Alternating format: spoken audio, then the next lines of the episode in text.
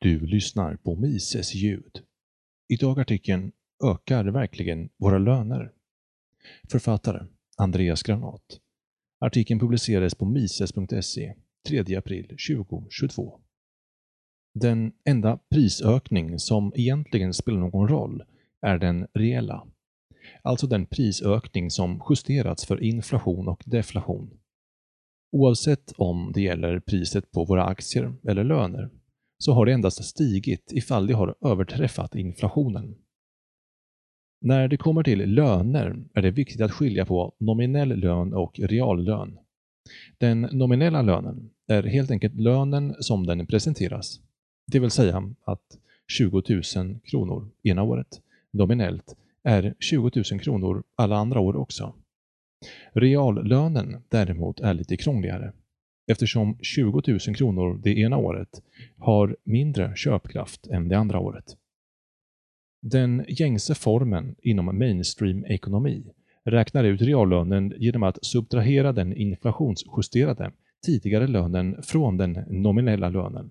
Exempelvis Lön 2021 20 000 Lön 2022 21 000 Nominell löneökning 5 Inflation från 2021 till 2022 4% Reell löneökning 21 000 minus 20 000 gånger 4% det vill säga 200 kronor, vilket motsvarar en löneökning av 0,96% Om man vill fuska lite med matematiken och förenkla kan man bara tänka att reallön är lika med procentuell löneökning minus inflationen i procent. Med räkneexemplet ovan hade den reella löneökning blivit 5% minus 4% det vill säga 1% Även om den gängse formen kan ge oss ett hum om inflationen, så gäller formen egentligen inte just din eller min lön, eftersom att inflationen är personlig. Detta beror på att alla varor och tjänster inflateras i olika takt och volym. Mer om detta längre fram i texten. Inflationen i år har varit högre än Riksbankens mål på 2% I februari detta året var inflationstakten 4,5% jämfört med föregående års månad. Detta slår hårt mot nästan alla löntagare. Det är inte heller vanligt att få en löneökning på mer än 4,5% såvida man inte byter jobb eller befattning.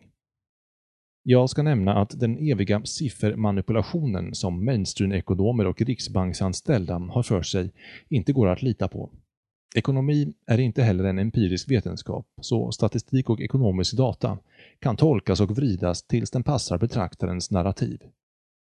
I denna artikel från ekonomifakta.se kan man läsa att reallönerna mer än fördubblades sedan 60-talet hur man har kommit fram till det vet nog bara den som vill att det ska vara så.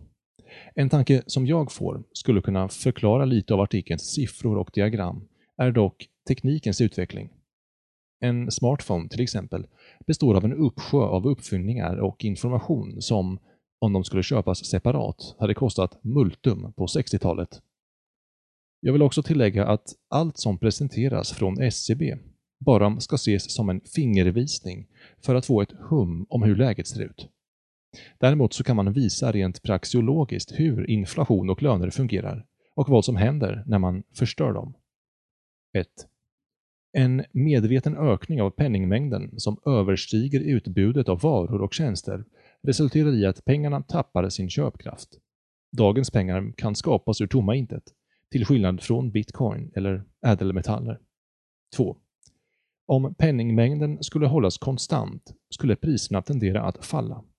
Även innovation och konkurrens leder vanligtvis till lägre priser på en fri marknad. 3. I en sund ekonomisk värld baseras löner på hur mycket ett värde ens arbete kan skapa för andra, inte på vad fackförbund och stater säger. 4. Den egalitära lönesättningen vi har idag, som upprätthålls av kollektivavtalen, vill garantera alla arbetare en nominell löneökning. I artikeln Kartellanalys av Klaus Bernreiter på mises.se skriver han Fackföreningar är karteller. Det finns inget principiellt fel i att arbetare går samman och förhandlar en gemensam lön.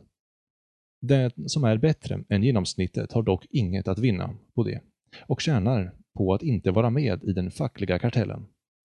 Osolidariska arbetare håller man i schack genom att kräva att arbetsgivare betalar lön enligt kollektivavtal och inte efter individuell prestation.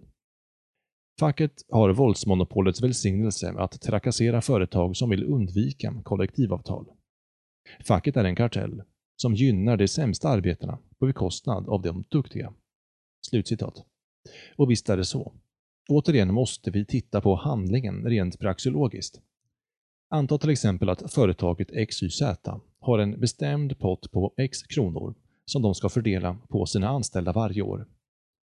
Alla tio anställda är garanterade en löneökning som inte justeras för inflation, alltså en nominell. Pelle, som är duktigast och som utvecklas mest, anses av cheferna vara värd en löneökning på X delat på 5 kronor. Men då solidaritet råder så måste ju Kalle också få en löneökning, trots att han faktiskt utvecklas i fel riktning och jobbar sämre idag. Pelles löneökning blir istället X delat på 10 kronor, alltså en halvering av vad han var värd. Utöver detta har vi inflationen. Det enda som möjligtvis räddar Pelles och andras löner är teknikens utveckling. Skydda dig mot inflation. Inflationen mäts med konsumentprisindex med fast ränta, KPIF. De 12 huvudkategorierna är livsmedel, alkoholhaltiga drycker, kläder, boende, inventarier, hälso och sjukvård, transport, post och telekommunikationer, rekreation, utbildning, restauranger, diverse varor och tjänster. Alla dessa kategorier av varor och tjänster inflateras olika mycket och olika snabbt. Den upplevda inflationen per person varierar därför utifrån vad vi köper. Håll koll på de varor som stiger mest i pris och överväg om det är värt att köpa dem, eller om du kanske kan köpa dem från utlandet. Förbered dig inför lönesamtalet genom att använda SCBs tjänst Prisomräknaren för att räkna ut vilken löneökning du måste begära. Visa uträkningen för din chef och gör klart för denne att X kronor förra året inte är värt lika mycket som X kronor detta året. Till syvende och sist så bör du också köpa ädelmetaller, samlarobjekt, börshandlade produkter och liknande för att skydda dig mot inflation. Det är klokt att köpa det man förstår sig på. Själv köper jag både aktier och ädelmetaller för att bevara värdet och förhoppningsvis öka värdet på mina hårt förvärvade besparingar.